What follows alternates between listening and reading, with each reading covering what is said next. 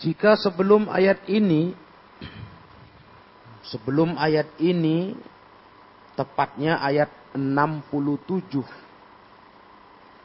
Allah menerangkan orang munafikun laki-laki dan perempuan itu sebagian mereka dengan sebagian lainnya adalah orang-orang yang saling berloyalitas. Karena mereka sejenis. Al-munafiquna wal munafiqat. Ini yang kita banyak dapati di ayat-ayat surah At-Taubah tentang orang munafik. Maka kaum munafikun sesama mereka laki-laki dan perempuan itu ya saling suka, saling cocok. Memang itu sifat manusia para ikhwah. Dia akan kumpul dengan yang semisalnya. Iya, sama tingkah, sama rasa. Itu ayat yang sudah kita lewati di ayat 67. Maka di ayat 71 Allah terangkan lagi. Wal mu'minuna wal mu'minatu ba'duhum awliya'u ba'din. Orang-orang beriman laki-laki dan perempuan sebagian mereka dengan sebagian lain mereka itu saling loyalitas loyal. Wali, jadi wali. Orang beriman itu dengan sesama laki dan perempuan saling dekat. Berkawannya dengan sejenis. Ya iya, orang beriman itu begitu. Kesamaan iman yang mereka punya di dalam dada itu membuat mereka jadi rekat hubungannya baik. Seperti munafikun. Ya, komunitasnya memang sudah jelas. Kumpul-kumpulnya jelas. Itu nggak bisa ya, nggak bisa dipungkiri itu. Itu sifat dasar manusia. Keasrabil kata. Seperti segerombolan burung. Gak akan berkumpul burung yang beda jenis. Mesti yang sejenis. Walaupun jenis burung jelek. Buruk warnanya. Buruk bentuknya. Ya tetap kumpul.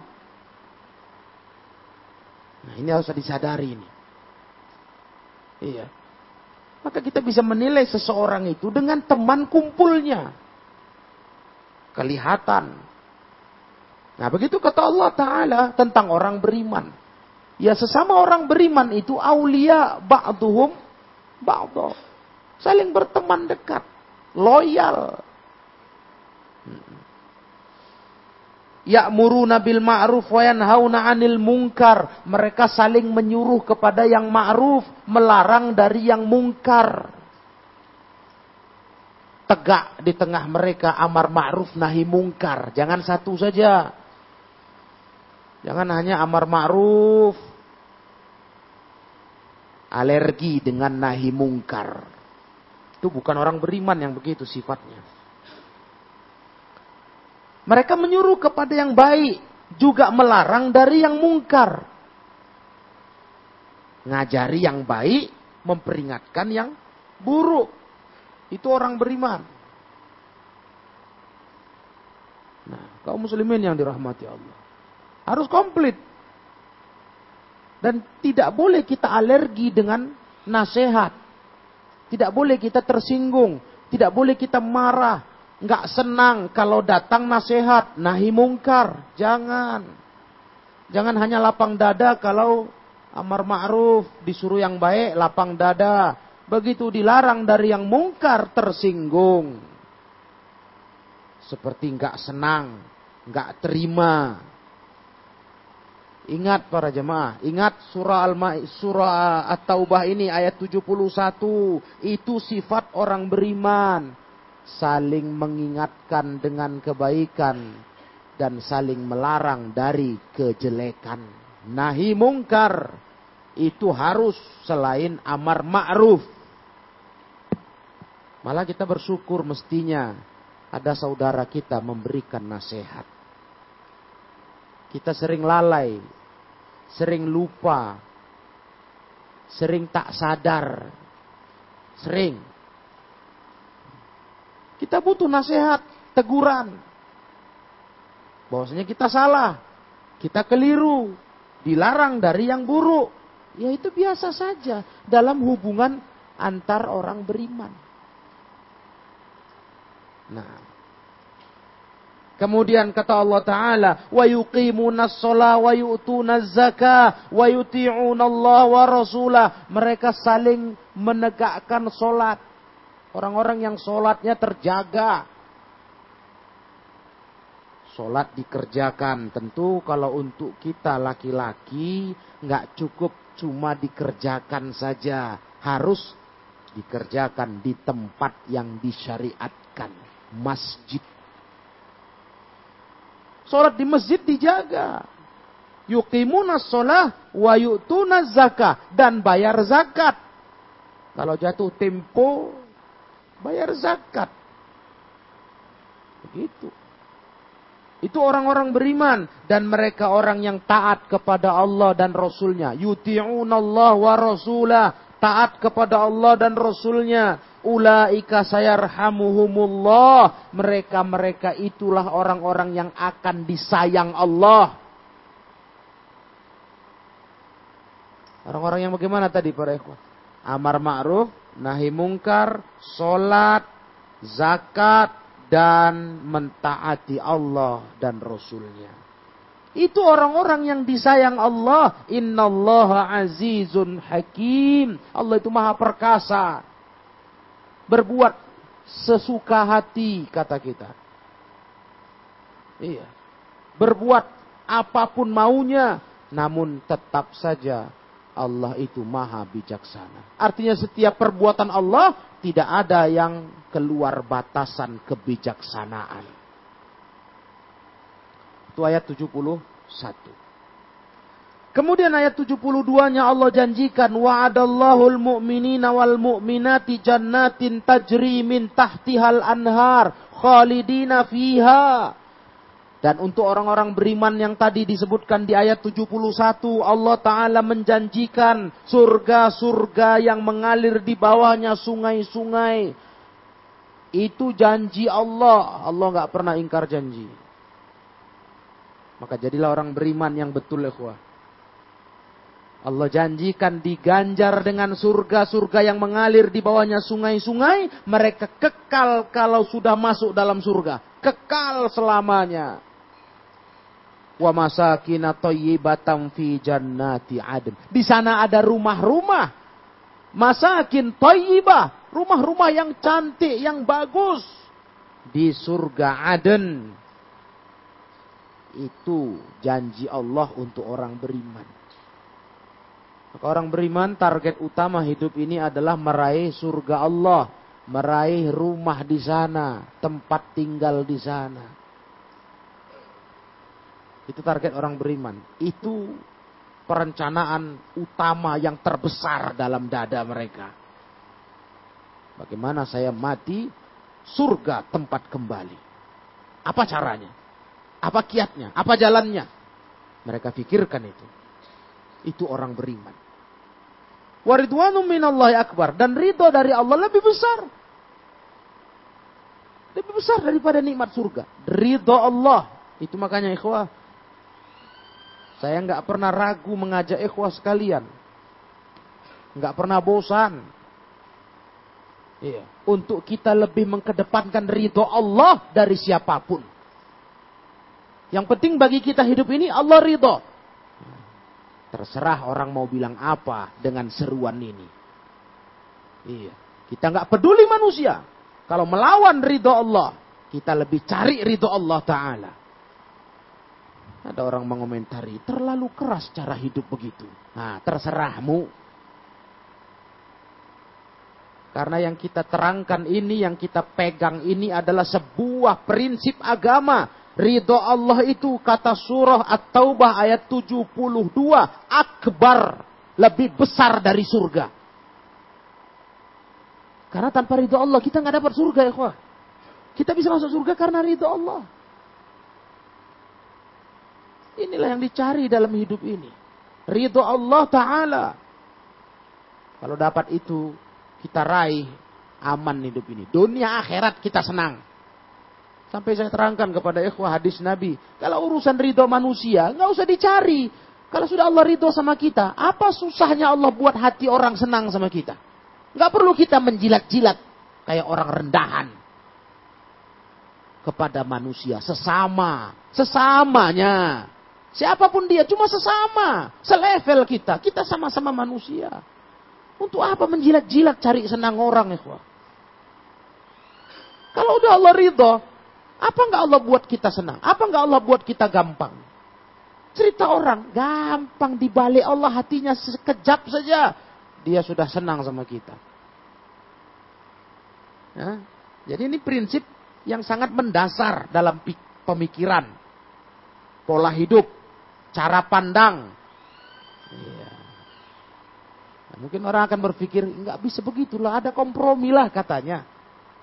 Adalah pandang juga lah kayak mana orang mau. Iya, kalau masalah mubah kami pandang. Masalah yang tidak haram, tidak dosa kami pandang. Tapi maaf beribu maaf. Kalau masalahnya masalah melanggar hukum Allah, membuat marah Allah, kami nggak akan pernah toleransi. Kami nggak peduli. Mau pecah, meledak, marah siapa pun kami nggak peduli. Asalkan Allah ridho. Nah, itu ya, Itu bukan prinsip yang bisa dikatakan berlebihan. Itu standar. Kenapa? Memang hidup kita itu yang kita cari. Ridho Allah. Bukan ridho manusia. Nah ini ayat ini coba diingat-ingatlah. Sampai-sampai Allah mengatakan waridwanum minallahi akbar. Ridho dari Allah lebih besar. Zalika huwal fauzul azim. Itulah kemenangan yang sangat besar. Saya rasa cukup jelas ini. Sangat nampak makna ayat ini hanya dengan terjemahan saja. Tapi mari kita baca tafsirnya. Tafsirnya ulama Syekh Abdurrahman bin Nasir As-Sa'di rahimahullah. Kata Syekh Abdurrahman, "Lamma zakara annal munafiqina ba'duhum awliya'u ba'din, zakara annal mu'minina ba'duhum awliya'u ba'din."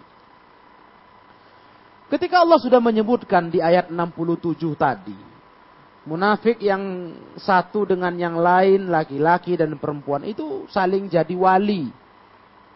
Saling cinta, saling dekat.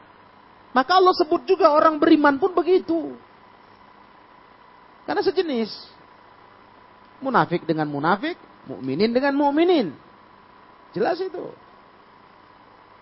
Dan kata beliau wawasofahum Bidid dima wasofa bihil munafiqin. Allah sifati orang beriman itu dengan sifat yang bertentangan dengan munafikin. Bertolak belakang. Kalau munafikin saya yakin ikhwah sudah tahu betul kita dari pelajaran di surah At-Taubah. Jeleknya sifat mereka. Nah orang beriman Allah sifati bagaimana? Kata Allah, Faqala wal mu'minuna wal mu'minat ay dzukuruhum wa inathuhum ba'duhum awliya'u ba'din fil mahabbah wal muwalah wal intima wan nusrah. Orang beriman itu laki-laki dan perempuan. Zukur, inas, laki-laki dan perempuan.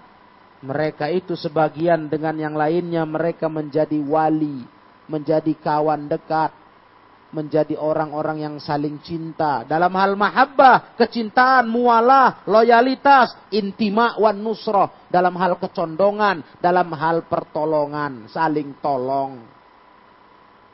Jelaslah itu ikhwah. Iya. Artinya memang yang dipandang ikhwah dalam hidup ini adalah keimanan. Keimanan bukan kesukuan, bukan kebangsaan. Keimanan. Ya. Jadi aneh kalau ada orang bilang beriman dia. Anti betul dia dengan orang beriman di luar negaranya misalnya. Hah? Seakan-akan ikatan persaudaraan itu lebih kuat dari sisi kebangsaan, kesukuan. Tidak, ikhwah. Tapi akidah, keyakinan, iman itulah yang paling kuat tali persaudaraan. Jadi karena mungkin terlalu banyak ilmu ditinggalkan. Terlalu orang tak kenal ilmu. Tak belajar. Pedulinya hanya urusan dunia, dunia, dunia saja. Iya. Baik yang masih belajar, ya belajar dunia. Yang udah tamat belajar, ya sudah kerja juga untuk dunia. Sudah tidak ada fokus orang kepada ilmu agama. Jadi nggak ngerti. Nggak paham hari ini. Seakan-akan yang paling kuat itu ikatan persaudaraan, kesukuan, kebangsaan. Hmm. Bukan keagamaan. Nah, ini keliru. Allah katakan, begitu orang beriman. Loyalitasnya, kecintaannya, kemudian kecondongan intimaknya, dan nusrohnya saling menolongnya itu karena iman mereka. Kayak kita cintai kaum mukminin, muslimin di mana pun berada, sama akidah, walaupun bukan sama-sama bangsa Indonesia dia, bukan satu suku, bukan satu bangsa dengan kita, begitu. Iya kan? Keimanan itu mengikat kita, ukhuwah imaniyah Kayak munafikin, munafikin begitu. Nggak dapat pula kita ya. Wallahu alam atau kita memang nggak peduli berita tentang orang-orang kufar lah. Munafikin kan kita nggak tahu siapa-siapa. Tapi kafir lah yang pasti. Nggak pula kita tahu ikhwah. Entah mungkin antum tahu, saya nggak tahu.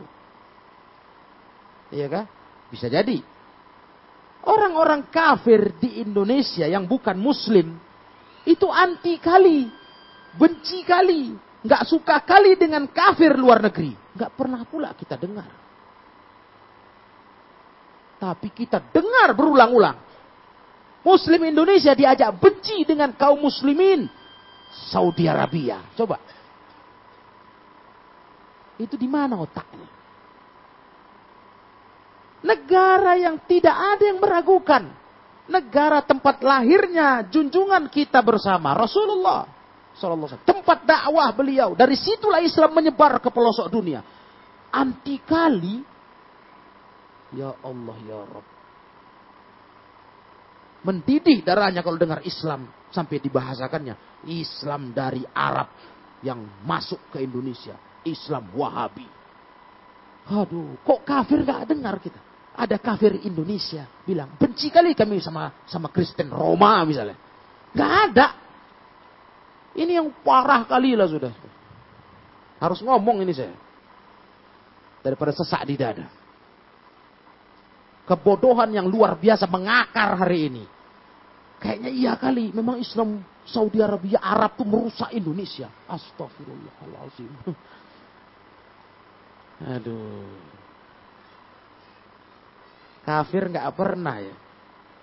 Malah mereka muliakan kiblat mereka, Iya. Mereka hormati markas besarnya. Mereka cita-citakan bisa ke sana. Macam lah sudah.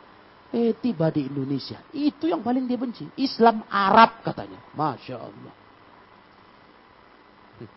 Gimana ya coba? Mungkin kita nggak begitu menganggap ini perkara besar yang mengancam anak bangsa Indonesia. Generasi kaula muda. Mungkin. Karena kita paling pening kalau yang terancam itu dapur. Itu pening kita. Naik harga barang, pening kita. Nah, kok nggak turun-turun nih 2021. Udah cekek ini rasanya belanja. Itu pening kita. Tapi akidah anak bangsa dirusak dengan pemahaman kayak begini yang sekarang disebar habis-habisan. Kita mungkin nggak cemas, nggak begitu peduli. Ah, sudahlah tuh. Saya mau ngajak ikhwah peduli. Karena kita punya prinsip iman prinsip Islam yang jelas, ayat yang bicara. Kaum mukmin itu saling cinta, saling loyal, saling condong, saling bantu. Di mana kurang baiknya kaum muslimin atau masyarakat atau pemerintah Saudi Arabia? Di mana buruknya? Kenapa diserukan kebencian yang begitu besar kepada Islam Arab istilah mereka? Iya, Islam Arab katanya. Macamnya Islam tuh kayak apa? Ber, ber apa? Berkotak-kotak ya dibuatnya. Jadi ada Islam Indonesia. Jadi Indonesia ini punya nabi sendiri nih. Gitu. Ada nabi dari mana? Tanah Jawa, tanah Sumatera, tanah Aceh. Macamnya lah nggak ngerti lah saudara. Macamnya ada Islam versi-versi dengan bahasa dia Islam Arab itu. Ini orang luar, luar biasa ini, orang-orang ini. Betul hebat kali. Makarnya mau ngerusak otak anak bangsa. Hmm. Kita pikir ini biasa. Tidak biasa ini. Ini melanggar kaidah Islam. Sangat melanggar. Ini contohnya nih. Nah, Gak begitu orang beriman tuh saling cinta. Saling tolong saling condong. Apalagi dikenal itu orang-orang yang zohirnya sangat memperjuangkan Islam. Bahkan negara yang menegakkan hukum Islam. Kalah kita. Huh? Saudi Arabia. Kita nggak cerita person-person pemerintahnya, kita nggak tahu-tahu itu. Berita-berita yang terus diekspos, kejelekan mereka di belakang layar istilahnya. Nah, kelakuan-kelakuan, kita nggak mau tahu. Zohir yang kita tahu, kiblat kaum muslimin Ka'bah ada di sana. Pelaksanaan ibadah salah satu rukun Islam ke sana. Dan macam lagi keutamaannya. Masjid yang utama sholat yang kita kaji malam Jumat kemarin. Di sana. Dari tiga, satu cuma di Palestina. Itu pun paling kecil, besar pahalanya. 500 kali lipat. Betul ya Yang di Saudi Arabia, di Madinah, seribu kali lipat yang di Mekah. Seratus ribu kali lipat. Mana ada di tempat lain begitu. Jadi kok bisa benci betul. Apa yang dirusaknya? Apa yang diganggu dengan keyakinan-keyakinan yang datang dari sana kepada masyarakat Indonesia? Gak ada. Kecuali yang dirusaknya dalam arti diperbaikinya adalah keyakinan kesyirikan. Dan itu bukan ajaran per daerah, per negara. Itulah Islam memberantas kesyirikan, segala macam praktek syirik walaupun dikategorikan budaya Indonesia. Kalau syirik tinggalkan, jangan dibilang malah ini Islam Arab merusak budaya kami. Nah, ini saya harus sampaikan. Biar kita nggak tenang-tenang saja dengan fenomena seperti ini. Jadi pikiran harusnya mikirkan apa? Menyelamatkan diri dan anak kita, generasi kita. Ini mengancam akidah Islam. Kemudian Allah sebutkan sifat orang beriman tadi, ya'muruna bil ma'ruf. Apa itu ma'ruf? Apa definisi ma'ruf? Ma'ruf itu artinya ismun jami' li kulli ma'urifa husnuh minal aqaidil hasanah wal a'malis salihah wal akhlaqil fadilah. Itu yang ma'ruf. Itu satu nama. Jami' yang mengumpulkan semua yang kita kenal baik. Itu yang ma'ruf. Segala yang kita kenal baik itu baik. Itulah ma'ruf. Apakah itu masalah akidah, masalah amalan soleh, akhlak yang utama. Itu semua ma'ruf. Orang beriman itu saling nyuruh kepada itu. Berarti ikhwah. Salahkah ketika kita berdakwah kepada akidah yang benar. Akidah tauhid mengajak masyarakat berakidah dengan akidah tauhid yang benar yang dulu Nabi dakwahkan di kalangan kaum musyrikin Mekah. Salah. Hah? Lancang. Kurang ajar. Intoleran. Tidak, itulah mestinya dilakukan. Kita mesti ngomong, mesti ngomong, mesti bicara, mengajak orang kepada akidah. Itu sifat orang beriman kata Allah. Ya'muru nabil ma'ruf, nyuruh yang baik. Maaf ya, jangan nggak ngerti bilang sama mereka. Yang baik itu bukan maksudnya nyuruh sholat. Bukan hanya itu, itu di antaranya. Karena ada orang bilang begitu. Ya, kita kan bisa juga dakwah tanpa nyentuh keyakinan-keyakinan tradisi masyarakat. Yang kalian bilang itu bid'ah, yang kalian bilang itu haram. Yang kalian bilang syirik. Sudahlah dakwah tuh suruh sholat ke, itu aja coba fokus. Betul, itu nyuruh baik. Tapi itu bukan terbatas di situ saja. Kan mereka begitu maunya. Maunya dakwah itu santun lah. Apa makna santun? Jangan singgung keyakinan orang. Jadi mau kalian gimana? Buat syirik masyarakat nih biar aja. Itu dakwah. Nanti kalau kita bicara masalah syirik, keras sekali. Aduh. Ingat, yang baik itu ikhwah. Termasuklah akidah, termasuklah amal soleh, termasuk akhlak. Mereka mau mau maunya akidah tuh nggak usah singgung. Udah kita bicara akhlak yang baik. Akhlak-akhlak, bicara masalah ibadah, puasa, sholat, haji. Ya itu itu aja lah sudah. Jangan katakan ini syirik, ini bid'ah. Jangan. Aduh.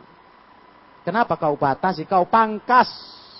Kenapa engkau potong definisi kebaikan itu? Kau batasi dengan nafsu. Kenapa? Nah, jadi nggak bisa begitulah ikhwan. Kita harus berdakwah itu dengan cara yang benar, ilmu yang benar.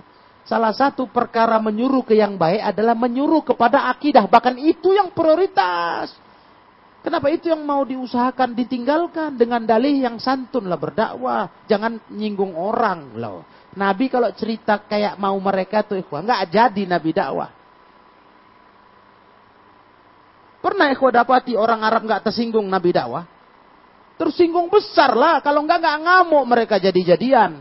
Begitu Nabi katakan, sembah Allah saja, jangan berhala. Menyinggung lah. Bagaimana dakwah jangan nyinggung orang, ngawur. Main film mungkin gua. Sinetron. Yang penting orang suka. Gimana cara orang suka? Bukan dakwah, bukan itu. Maka saya nggak peduli. Mau suka orang mau nggak terserah. Karena ini koridor dakwah. Cerita hati orang Allah yang ngatur. Nah, begitu. Jadi ikhwah yang saya muliakan. Kalau Nabi dakwah jangan nyinggung orang. Nggak jadi Nabi dakwah. Tersinggung besar mereka sampai lupa mereka. Ini Muhammad Wasallam ini, ini bukan orang lain bagi mereka. Ini pemuda asli Mekah, keluarga-keluarga mulia, Bani Hashim. Lupa kayak lupa. Saking geremnya sama Nabi, saking tersinggungnya. Mereka mau bunuh, mereka mau ganggu Nabi, mau menyiksa Nabi, macam otak mereka itu. Lupa ini anak yang sangat kenal mereka waktu Nabi masih kecil muda mereka gelar Al-Amin tahu kali mereka mutunya dari sisi nasab keturunan Quraisy yang paling terhormat Bani Hashim biar kau sadar ini. Jangan lagi dakwah ini diukur pakai perasaannya. Nah, jangan gitu maunya. Nggak laku itu. Maaf. Kami bukan cari orang suka. Kami mau orang tahu ilmu. Terserah mau dinilai apa. Iya, bukan mau cari orang suka, ini bukan bukan dakwah bisnis. Biar orang banyak banyak infak gitu. Hah? Banyak sedekah, banyak sumbangan. Enggak, ikhwah. Enggak itu dakwah. Dakwah ini orang biar sadar otaknya tertutup tuh terbuka. Tahu dia, oh ini salah rupanya. Itulah orang beriman. Ya muru nabil ma'ruf nyuruh yang baik. Nah, jadi kita bicara seperti itu. Target kita orang tahu ilmu. Selama ini orang nggak tahu ilmu, jadi tahu mau kita itu. Nggak ada lain-lain. Nah, jadi kalau Nabi tadi kembali ke Nabi mau ter, jangan tersinggung, habislah sudah Nabi diem, karena mereka tersinggung berat. Oh. Tersinggung berat dalam kondisi mereka sadar, bahkan ada yang paman Nabi di antara mereka. Paman Nabi. Nabi itu keponakan. Tapi karena tersinggung berat, dicuil Nabi, disentil Nabi, akidah batilnya, ngamuk. Kok bisa hari ini kok ngajarin kita? Janganlah dakwah nyinggung orang. Lu. Aduh, itu dakwahnya siapa yang kau mau kau tiru? Dakwah itu bukan pula tujuannya nyinggung orang, bukan itu. Maksudnya dakwah itu menyampaikan ilmu. Urusan tersinggung gak tersinggung terserah. Namanya berobat. Ya macam mana mau berobat kok dicari yang ya, menyenangkan enak-enak kayak makan rendang. Nggak bisa. Kalau memang harus berobat tuh yang harus ya diamputasi, ya itulah berobat gaya yang betul. Harus diamputasi lah. Memang itu udah tahapnya.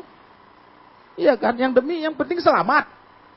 Nah, jadi kita begitu, bukan niat kita mau buat kerusuhan di masyarakat, ngomong ini syirik, ini bid'ah, ini batil, bukan mau buat rusuh enggak, memang kita standarnya saja.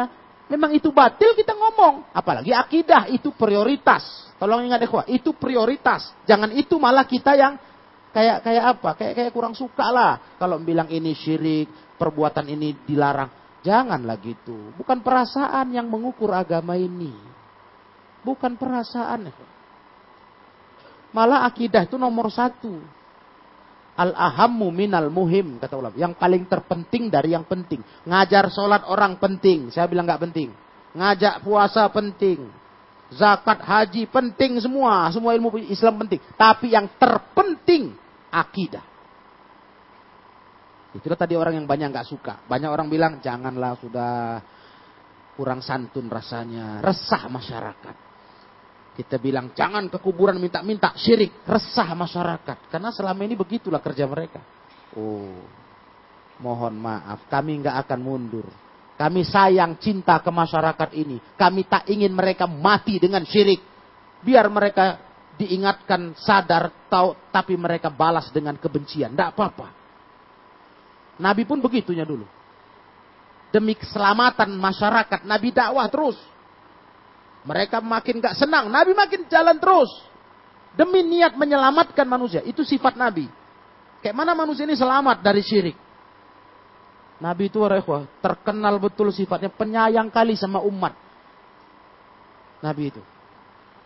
Mungkin kita, mungkin ya, entah masing-masing kita kan beda-beda. Mungkin kita belum pernah nggak bisa tidur, mikirkan umat buat syirik. Nah. Artinya nggak begitu masuk dalam perhatian kita. Tapi Nabi betul, nggak tidur, gelisah, dengar kabar dari Mekah, dari Madinah, dengar kabar di Yaman ada berhala disembah. Sampai Nabi gelisah, payah tidur, dipanggil sahabat. Nabi tanya ke mereka. Ala turihuni. Siapa di antara kalian bisa tolong, bisa bikin aku tenang. Gak enak kali ini hatiku. Kenapa ya Rasul kata sahabat? Aku dapat kabar dia mana ada berhala, disembah. Masya Allah. Bukan masalah tadi kayak saya naik sembako. Mahal kali sekarang semua. Enggak. Besok belanja apa? Hah? Besok masa apa? Enggak itu, Nabi itu enggak bisa tidur. Mikirin kok ada masih berhala disembah di Yaman. Masya Allah. Itu Nabi. Maka Nabi nggak peduli orang mau marah, orang mau nggak senang, orang mau ngamuk. Yang penting kesyirikan ku berantas. Tegakkan la ilaha illallah. La ma'budah bihaqqin illallah. Nggak ada yang berhak disembah kecuali Allah. Mau apa pun ceritanya. Nabi terus ngomong. Sampai terakhir puncaknya apa? Rencana dibunuh kan? Nabi pun hijrah. Itu puncak palak, marah, tersinggungnya penduduk Mekah. Nah, jadi mohon maaf ya, Jangan pernahlah kalau cerita mau kembali ke cara Nabi berislam berdakwah. Jangan pernah berpikir gimana dakwah ini jangan nyinggung orang. Kita udah nggak cocok lagi dengan cara Nabi kalau begitu. Gimana dakwahnya orang senang-senang aja kalau bisa nggak ada merasa disoroti, dinasihati. Nah, nggak itu dakwah. Kita dakwah ini umat tahu ilmu, tahu yang salah itu salah, yang benar itu benar. Ya, ya muru nabil ma'ruf itu seperti itu. Wa awwalu ma fi amrihim anfusuhum. Yang pertama masuk dalam perintah ke yang baik ini diri mereka. Itu makanya kita selalu berucap Mulailah dari diri kita cerita yang baik ini. Nah, jangan kita mulai dari orang lain, kita belum beres. Kita mulai dari diri kita. Nyuruh yang baik, masuk yang pertama diri kita sendiri. Mari rubah akidah batil kita, keyakinan salah kita. Mari kita rubah amal-amal jelek kita jadi amal soleh.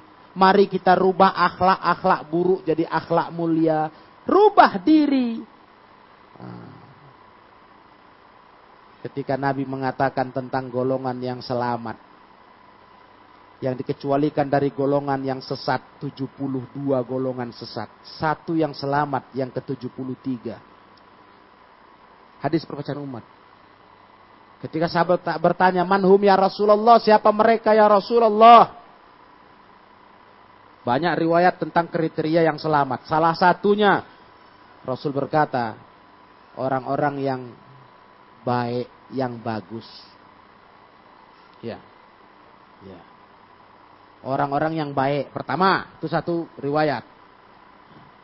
Orang yang soleh. Yang ikut kepada sunnah. Riwayat lain, yang memperbaiki orang lain. Yuslihun. Buat perbaikan. Jadi mulai dulu diri kita. Tingkah kita kita rubah. Berusaha pelan-pelan bergantilah kita. Dari tingkah-tingkah buruk, akidah jelek, akhlak buruk. Nah, coba rubah dengan ilmu Mulai berubah kita bicara sikap, amalan, keyakinan. Nanti orang lain kita ajak. Itu kata beliau. Yang pertama masuk itu dalam perintah ke yang baik diri mereka. Nah, jadi nggak hanya kita sibuk ngurus orang, kita nggak nggak ngurus diri sendiri. Orang diperbaiki, diri nggak dirubah. Nah ini yang menyuruh kepada yang baik. Kemudian wayan hauna 'anil munkar wa huwa kullu ma khalafal ma'ruf wa naqadahu minal aqaidil batilah wal amal khabitha wal akhlaqir razilah dan mereka melarang dari yang mungkar. Apa itu mungkar? Mungkar itu segala hal yang menyelisihi yang ma'ruf, menentang yang ma'ruf itu mungkar. Tinggal dibalik saja. Kalau paham kita apa yang baik, maka kita pun paham apa yang mungkar. Karena bertolak belakang dia. Kebalikannya. Itulah dia para ikhwah, tentunya akidah-akidah yang batil. Itu mungkar, ya harus dilarang. Nggak bisa enggak. Nggak bisa, janganlah sudah. Udah lumayan kan masyarakat di kampung ini mau sholat. Janganlah diusik-usik lagi keyakinan-keyakinan mereka. Ngasih sesembahan, sesajian untuk ke apa keselamatan kampung ini. Itu udah tradisi dari turun menurun. Jangan ditegur itu, jangan disalahkan. Loh. Itulah puncak kemungkaran. Nggak perlu dia sholat tuh. Nggak diterima Allah itu. Kalau tidak betul akidahnya. Jangan tertipu, jangan dikira udah lumayan sholat. Jangan tegur lah, jangan bilang lagi itu syirik. Jangan disalahkan. Nanti mereka benci dakwah ini. Aduh, nggak bisa. Ini salah kaprah nih. Itulah kalau agama ini nggak betul-betul kembali ke cara Nabi. Ya bingung-bingung sendiri. Nah, ide-ide sendiri aja baiknya gimana, baiknya gimana. Dan itu nggak ada titik temunya. Nah, bisa. Nabi SAW 13 tahun ngajak kepada tauhid dengan beragam macam tantangan dan rintangan. Bahkan banyak udah terkorbankan nyawa sahabat dengan penyiksaan musyrikin. Demi dakwah tauhid ditegakkan. Udah nyawa korban. Berapa sahabat, budak-budak yang Islam dibunuh tuannya. Demi tak dakwah tauhid, demi keyakinan nggak akan nyembah berhala. Berhala itu batil. Nggak bisa dengar, nggak bisa bicara, nggak bisa melihat, nggak bisa semuanya. Kan begitu ayat-ayatnya. Nah, coba ya Jadi jangan tertipu dengan yang penting udah sholat. Masyarakat sini udah masya Allah, udah rajin sholat. Walaupun pada waktu-waktu acara kesyirikan mereka lanjut terus. Kita nggak bisa kita tegur itu nggak boleh itu. Kasih tahu. Itu dilarang agama. Sesembahan itu sesajian itu kepada Allah saja nggak boleh kepada makhluk. Kita sembelih hewan kerbau ayam sapi untuk diberikan kepada penunggu jin-jin penunggu. Demi keselamatan panen kampung ini potongkan lembu sapi di tempat tertentu keramat atau demi panen laut bagus, hasil-hasil laut, ah buatkan sesembahan kepala sapi semua sembelihkan, ah lepaskan, arungkan ke laut, lo itu bukan masalah-masalah yang biasa, bukan masalah mubah duniawi, itu melanggar akidah agama. Nah. Harus tegur, tegurlah. Nah, itu yang para belakangan ini yang dibilang itulah Islam Arab nih katanya. Nyalah-nyalahkan sedekah laut. Islam Arab nyalahkan sedekah laut. Kira-kira Islam mana yang nggak nyalahkan ya? Kalau Islam yang asli ya, yang betul dari Nabi. Yaitu persembahan begitu tuh salah dipandang dari mana pun. Kok dibilang itu karena Islam Arab masuk Indonesia gitu. Memang itu kesyirikan, harus disadarkan masyarakat. Malah itu mengundang bencana. Ngundang datang petaka. Kita beri persembahan kepada Dewi Laut. Siapa Dewi Laut itu? Itu hanya makhluk yang berhak membuat panen ikan di laut banyak, nelayan aman, itu Allah. Kok kalian kasih persembahan kepada Dewi Laut? Jin-jin penunggunya. Apa ini? Nah, ini disuruh apa? Disuruh jangan ditegur lagi. Itu sebuah budaya, tradisi yang malah jadi jadi ya apa sebagai satu keberagaman di Indonesia. Bisa menarik daya tarik wisatawan. Dah ada uang masuk negara. Wah. Ya Rabbi. Kesyirikan mau dipupuk dan dijaga. Gimana? Kita akan diam ya, dengan dalih-dalih begitu. Tentu terlalu bodoh kita diam. Kita harus bicara, kasih tahu masyarakat di situ. Itu dilarang agama. Kalian mau panen banyak, mau ikan banyak tangkapannya, sama Allah minta. Hah. Nggak ada kalian kasih kepada penunggu laut itu, bukan punya dia laut itu. Iya, bukan punya dia laut itu. Kalian takut gangguannya. Sama Allah minta perlindungan. Maka kata Ibnul Qayyim, orang pintar tuh, kalau dia terganggu oleh seekor anjing, enggak anjing itu yang berusaha dia jinakkan, berapa lama? Hah? Macam mana kita ngurusnya supaya dia jinak, kita aman, nggak digonggong, nggak diganggu. Orang pintar kata Ibnul Qayyim, dia panggil tuannya. Hei bulan, urus anjing kau, selesai. Ibnul Qayyim loh, itu orang pintar. Bukan anjing tuh. Gak bisa lewat, pergi dulu warung nasi, belikan nasi. Pergi minimarket, beli makanan anjing gitu. Lama-lama lebih rendah dari anjing gitu ya. Gak apa pening-pening, jeritin tuannya. Mana mau 10, 20 anjing, diem. Tuannya manggil. Itu Ibnul Qayyim ngasih kita cara pikir orang cerdas. Takut gangguan jin penunggu laut tuh hebat-hebat katanya. Wah, macam-macam lah cerita-cerita takhayulnya. Jin penunggu kebun, penunggu ladang, penunggu ini. Sama pemiliknya, penciptanya ngadu. Ya Allah, jaga aku dari gangguan mereka. Selesai. Orang pintar begitu. Nah ini itu. Ya, kalau orang bodoh ya itu tadi. Nah, jin itu dikasih makan. Jin itu dikasih sesembahan. Syirik. Masih mending anjing tadi nggak syirik. Ini syirik, ikhwah nyembelih kok untuk jin. Syirik. Kafir itu. Kalau dalam hukum Islamnya ya, kita nggak nggak tuding hidung, bukan ngafirkan masyarakat pelakunya. Hukum dasar. Karena kalau untuk menuding orang-orangnya butuh syarat-syarat lagi. Udah sampai belum ilmu, sampai belum nasihat, nah, udah berapa banyak lama didakwahi. Hukum dasar kata saya bicara. Itu syirik. Iya. Jadi begitulah kaum muslimin. Malah itu dianggap sebagai sebuah budaya tradisi yang harus dipupuk. Begitu disentil, ngamuk. Ngamuk langsung sasarannya malah negeri Arab Saudi dijadikan sumber katanya. Gara-gara Islam Arab masuk Indonesia. Masya Allah. Ya Allah, ya memang Islam tuh ya dari mana-mana ya sumber dari Arab lah. Oh, nabinya tinggal di situ. Quran turun di situ di mana negara kalau diusut ke belakang dari mana sumber Islamnya datang? Dari Arab semua. Karena dari situlah keluar Islam itu dan nanti akhir zaman pun akan kembali lagi ke Madinah kayak ular pulang ke lubangnya kata Rasul. Jadi kenapa kok anti kali? Kok kayaknya ada Islam versi lain yang betul selain Arab? Lucu ya. Cuman itu tadi terlalu bodoh sudah. Nah, sudah rusak kali pemikiran orang-orang yang ngomong begitu, ya sudahlah. Kita yang penting ilmu kita sampaikan. Kita sadarkan masyarakat ini akan ilmu yang benar. Nah kemudian ma'asyiral ikhwah. Syekh mengatakan wa yuti uh, Allah berkata wa yuti'una Allah wa rasulah.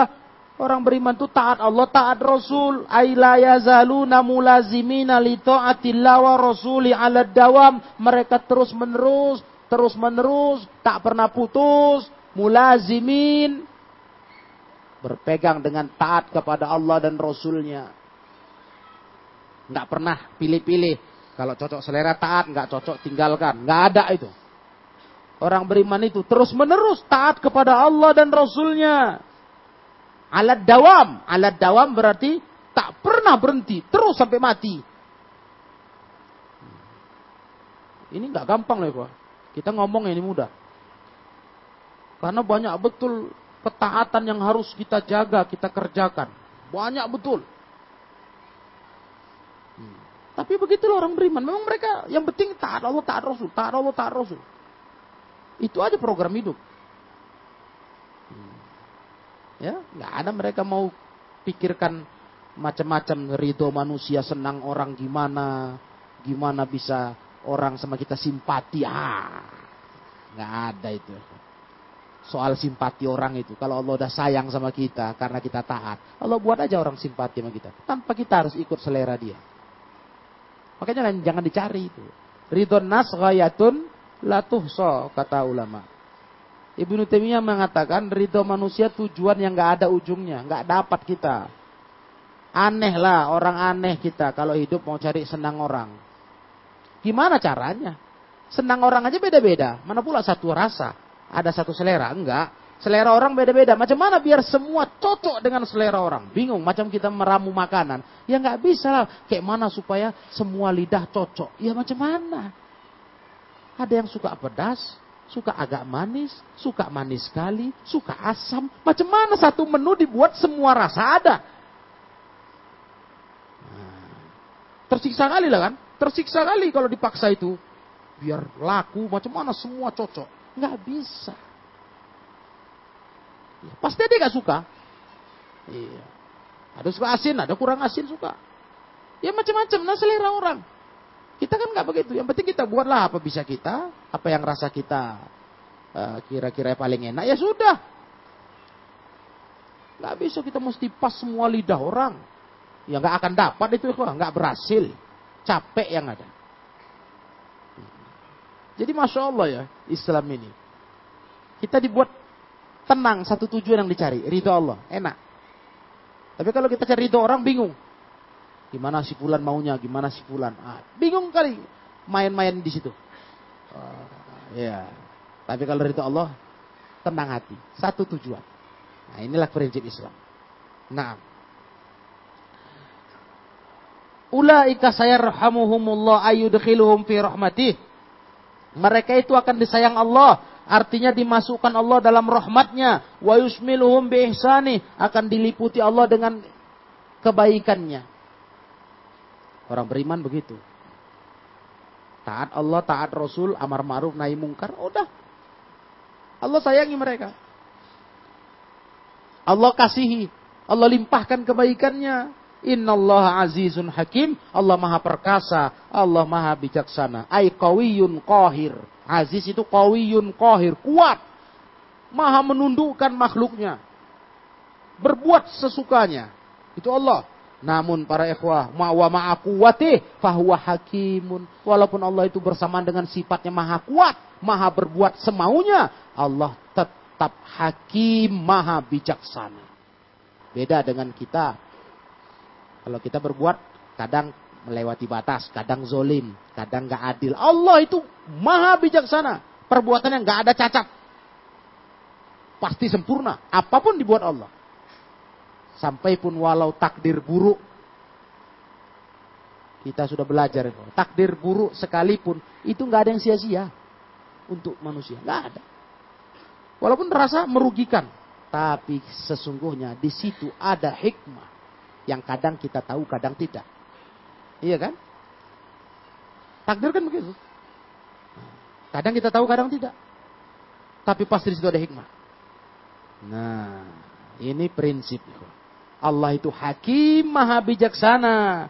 Yada'u kulla syai'in maudi'ahu la'ik bih. yang mana Allah letakkan segala sesuatu di tempatnya yang layak, yang pas. Alladzi yuhmadu ala ma khalaqahu wa amara bih. Yang mana selalu terpuji Allah itu atas semua ciptaan dan semua perintahnya. Subhanallah. Kaum muslimin ikhwani fiddin.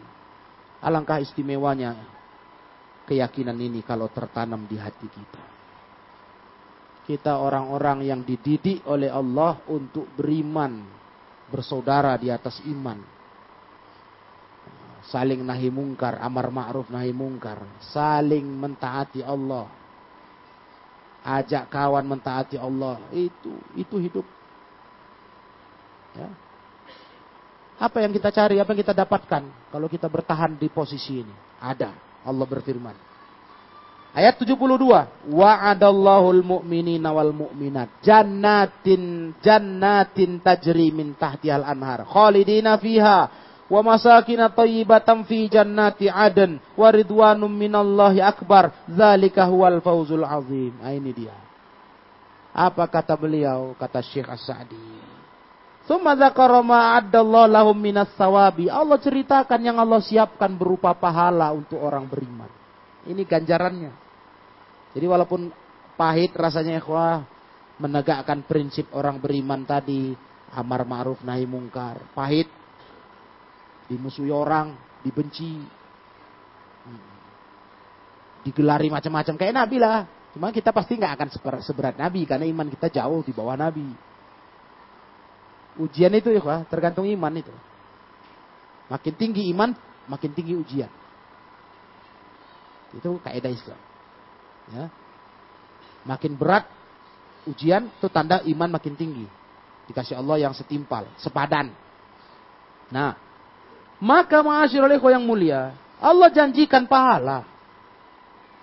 Kalau kita mampu bertahan di atas agama ini, mampu sabar.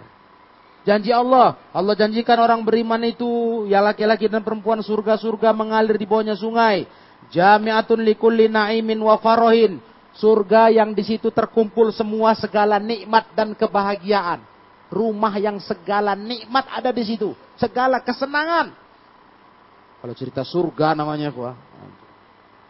Sehebat-hebat kita bisa menceritakan luar biasanya. Tetap nggak mewakili. Karena nggak bisa diungkapkan, diuntaikan dengan kata-kata. Terlalu hebat, terlalu istimewa rumah segala kenikmatan, kegembiraan. Khaliyatun min kulli azan wa tarahin. Rumah yang kosong, nggak ada di situ azab, gangguan, nggak ada kesedihan, kegundahan nggak ada di surga itu. Nggak ada beban pikiran, nggak ada penyakit hati. Ah, sudahlah. Makanya kita kalau tadi saya katakan nggak bisa gambarkan mewakili, wajar. Memang nggak bisa karena belum masuk kita. Ini ini kurang lebih aja lah sudah. Terlalu indah, terlalu terlalu istimewa. Jadi nggak nggak pandai kita merangkai pakai untayan kata. Oh surga tuh begini, ah itu nggak mewakili kali itu. Karena terlalu indah, terlalu istimewa surga itu. Hmm, itu aja tadi gambarnya. Rumah kenikmatan, rumah kegembiraan, rumah yang tak ada di situ gangguan dan tak ada kesedihan. Nah, itu kata Syekh.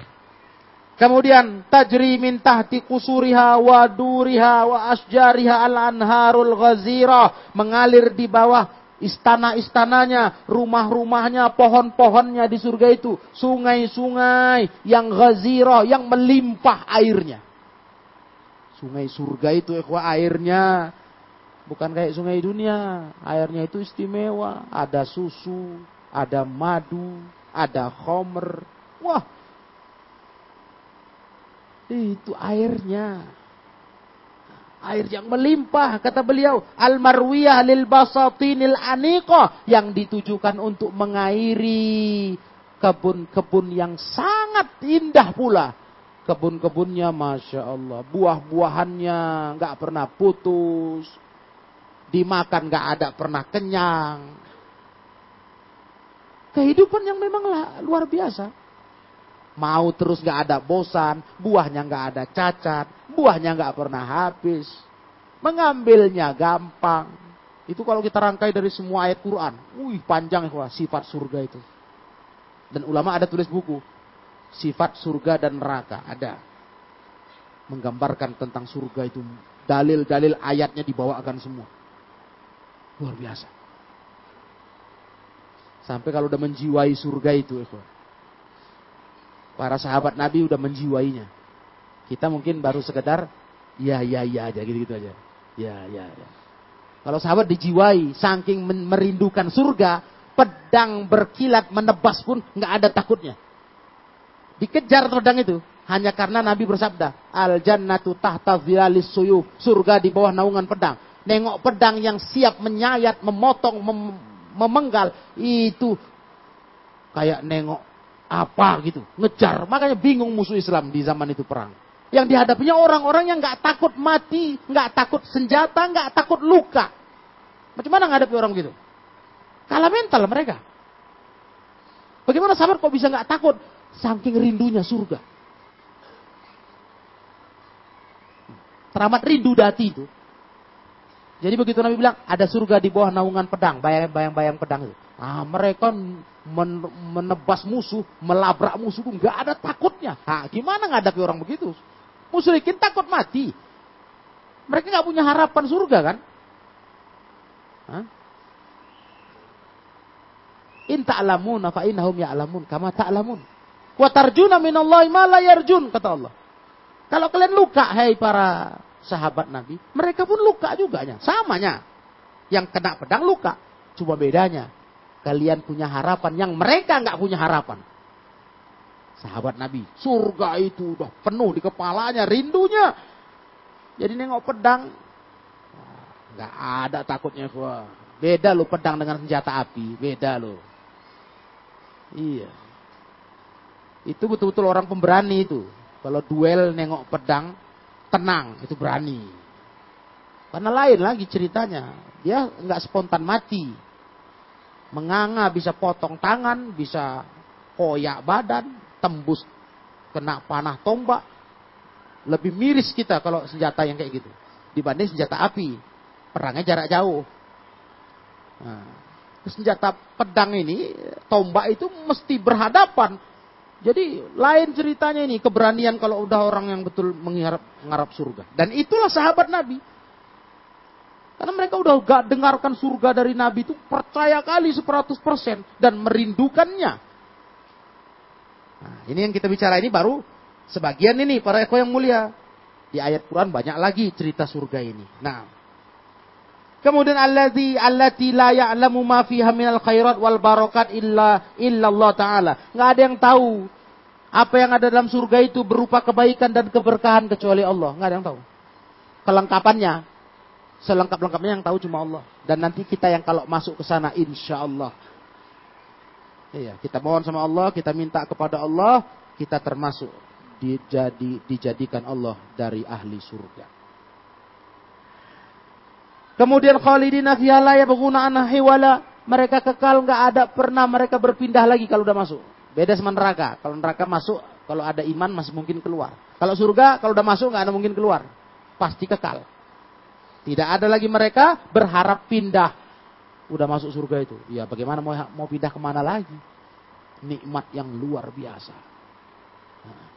Sampai-sampai pikirannya wah, bisa dilupakan nikmat surga itu. Memori kita tentang kesengsaraan hidup. Bisa. Ada hadisnya itu. Ketika seorang hamba masuk surga ditanya Allah. Pernah kau merasakan sebelum ini busan, kesusahan, sakit hidup sekalipun, apa kata ahli surga? Enggak pernah ya Allah. Padahal dia di dunia orang yang sangat kekurangan. Di dunia dia merasakan kesusahan.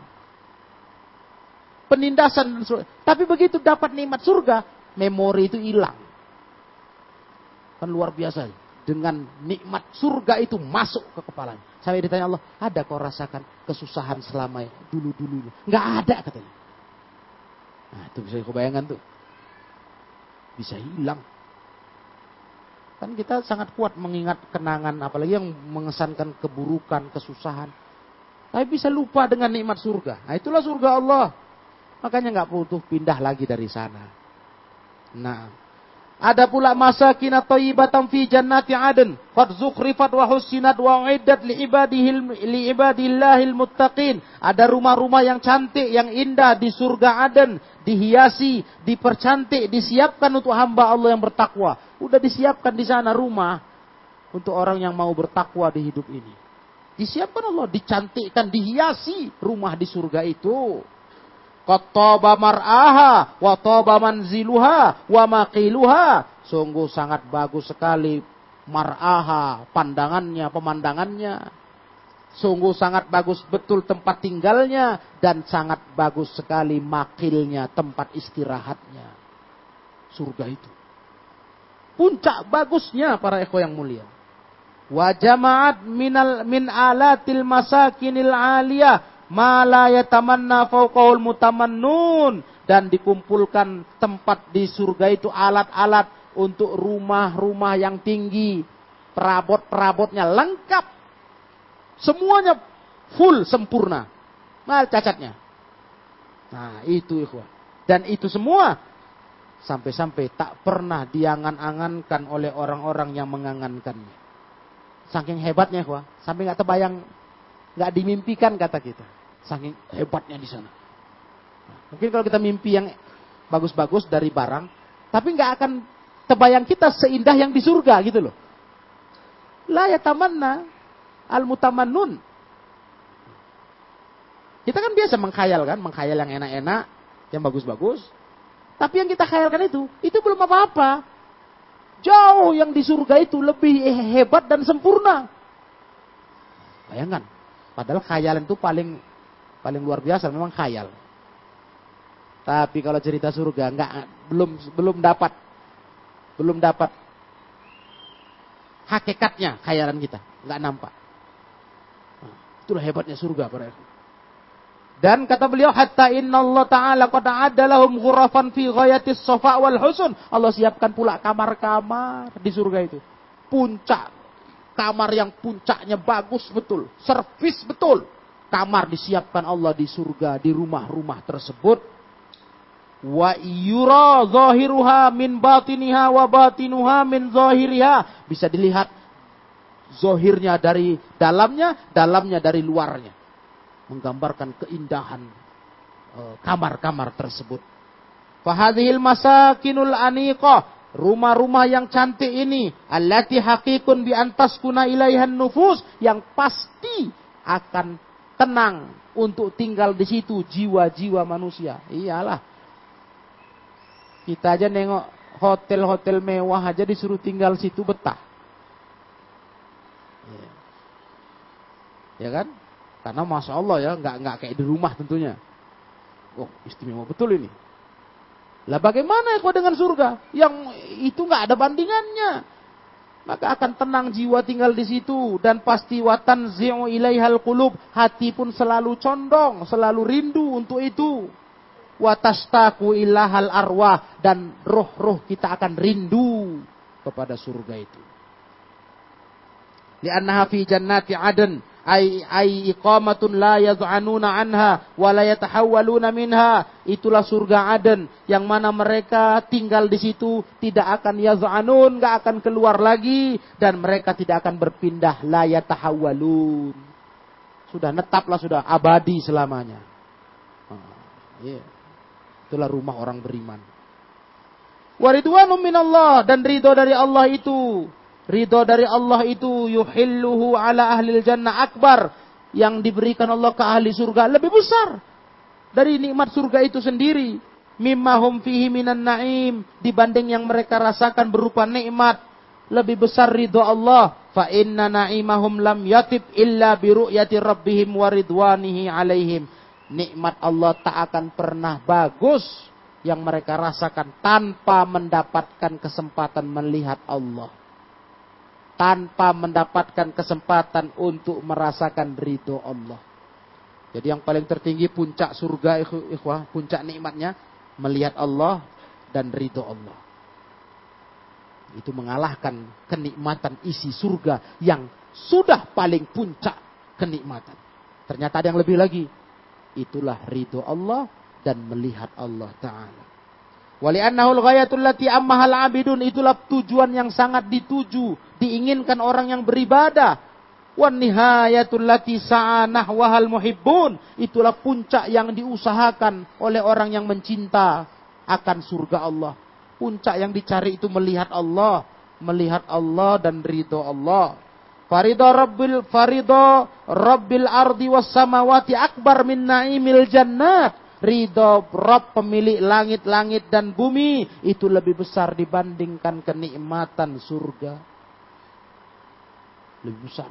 Daripada nikmat surga, besar itu. Zalika huwal fauzul azim. Itulah kemenangan yang besar. Makanya cari ridho Allah hidup nih, Nah, itu standar standar hidup itu, standar pilihan. Cari ridho Allah. Carilah ridho Allah. Intinya itu hidup ini. Itulah yang dicari oleh orang-orang ahli surga. Ridho Allah dan melihat Allah Ta'ala. Haitsu hasalu ala kulli matlub. Mereka ahli surga mendapatkan semua yang dicari. Wantafa anhum kulla mahdzur dan hilang dari mereka semua yang ditakuti. Di surga itu aman sudah, nggak ada yang dikhawatirkan, nggak ada lagi kekurangan apa pun juga. Wahasunat wa tobat minhum jamiul umur. Ah, baik dan bagus semua perkara hidup di surga itu. Nggak ada cacatnya. Makanya tadi saya bilang ikhwah, para jemaah yang saya muliakan, tidak bisa diungkap. Iya. Saking istimewanya surga itu. Nggak bisa mewakilah keterangan kita ini, nggak bisa. Saya hebat-hebat kita merangkai tentang nikmat surga. Nggak mewakili. Karena kenikmatan sebenarnya di surga itu berlipat-lipat kali dari ngomong kita ini. Saking istimewanya. Itu surga Allah.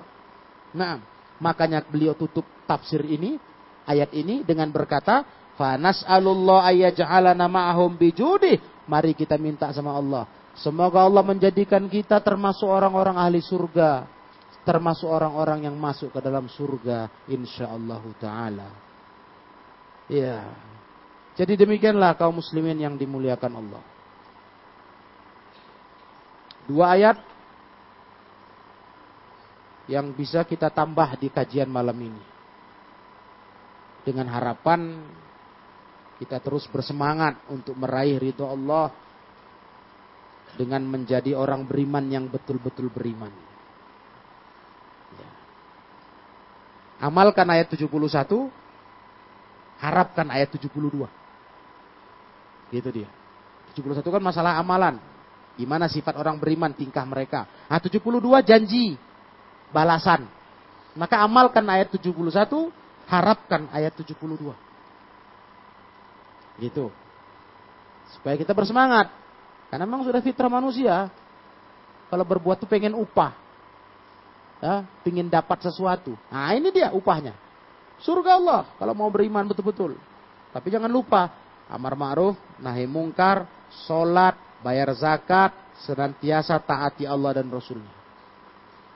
Insya Allah kita akan dapat janji ayat 72 surga Aden yang mengalir sungai-sungai di bawahnya. Demikianlah wallahu alam semoga bermanfaat. Wa akhiru da'wana anil rabbil alamin.